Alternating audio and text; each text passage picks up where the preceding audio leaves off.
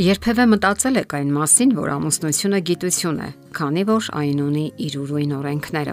Այդ գիտությունը եւ հաճելի է եւ բարդ։ Այդ գիտության սկզբունքները դուք սովորում եք ձեր ողջ կյանքի ընթացքում։ Հասկանում եք միմյանց հարմարվում, կարողանում եք հաճելի կողակից դառնալ եւ ամենակարևորը՝ հմտանում եք սիրո արվեստի մեջ։ Ամուսնությունը կարելի է համեմատել բարդ կառուցվածք ունեցող ինքնաթիռի հետ, որտեղ ամեն մի սարքը պատասխանատու է հաջող թռիչքի, խուսանավումների եւ հատկապես անվտանգ վայրեջքի համար։ Այդտեղ յուրաքանչյուր փոքրիկ դետալը կամ պտուտակը ունի իր գործառույթը եւ մանրուքներ չկան։ Հակառակ դեպքում ինքնաթիռը գահավիժում է հսկայական բարձրությունից եւ կործանում իր ուղևորներին։ Այդպես է եւ ամուսնական ինքնաթիռի դեպքում, որի եւ օթաչուն եւ ուղևորը դուք եք։ Այդտեղ մանրուքներ չկան, ինչպես ասացինք, կարևոր է յուրաքանչյուր դետալը։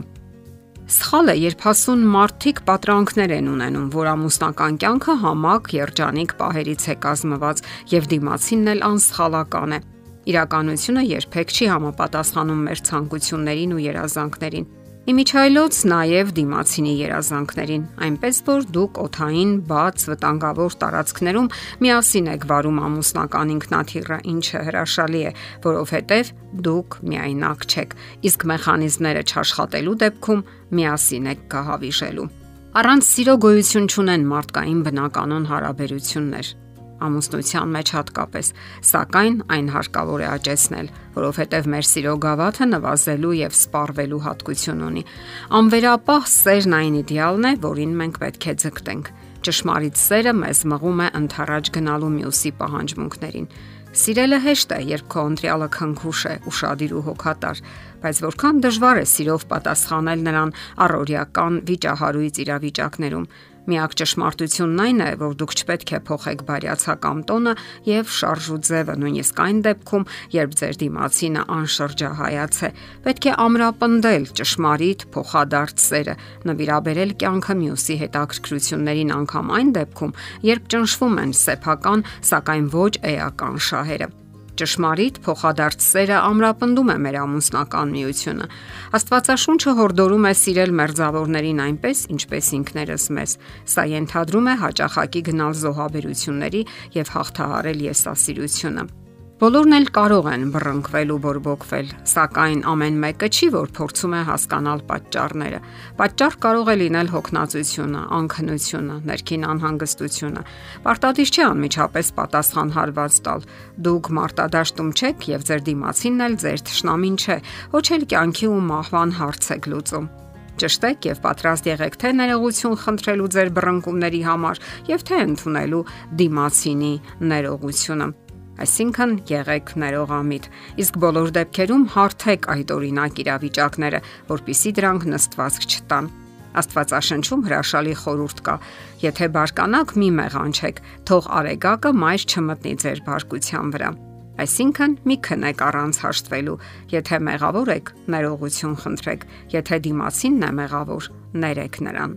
Հարկավոր է ընդունել կյանքի օրենքները։ Իհարկե կլինեն դժվարություններ, որովհետև դուք երկնքում չեք, այլ երկրի վրա։ Համատեղ հաղթահարեք դժվարությունները։ Ամուսնական միությունը եւ նրա փոխհարաբերությունները հրաշալի դպրոց են եւ կյանքին ձեր պատրաստվածությունը ստուգելու դաս։ Պատրաստ եք որոնելու եւ տեսնելու ձեր սխալները, գնալու փոխադարձ փողզիչումների հատկապես պատրաստ եք ներողություն խնդրելու ձեր սխալների ու վրիպումների համար, որ գործում եք կամա թե ակամա։ Եթե կարողանում եք, ուրեմն հիանալի է եւ դուք ճիշտ ուղու վրա եք։ Ամուսնական հարցերի մասնագետները պնդում են, որ զույգը շփհատական պետք է շփվի առնվազն 15 ժամ։ Դրանք պետք է լինեն ձեր առանձնության ժամերը առանց կողմնակի մարդկանց ներկայության Դրանք դեմ արդեմ շփվելու ժամեր են, զգացմունքներով կիսվելու ժամեր, այլ ոչ թե հոգսերի մասին խոսելու, դրամական հարցեր կարգավորելու։ Շաբաթական 15 ժամը նշանակում է, որ դուք օրվա ընթացքում միմյանց եք տրամադրում 2-ից 3 ժամ։ Պատկերացնում եք։ Միգուցե դժվար է, միգուցե հեշտ է ոմանց համար։ Ստեղծեք այդ ժամերը փոկելով կենսական ճահճից եւ անմիջապես փոփոխությունները կզգաք ձեր հարաբերություններում Մտածեք ինչպես անցկасնել այդ ժամերը։ Կարող եք զբոսնել, քայլել, զրուցել, Կարող եք պարզապես մնալ տանը, երաժշտություն լսել, ֆիլմ դիտել։ Դուք այդ պահերին մի եք ձեր ամեն ինչով, զգացմունքներով, հետաքրքրություններով,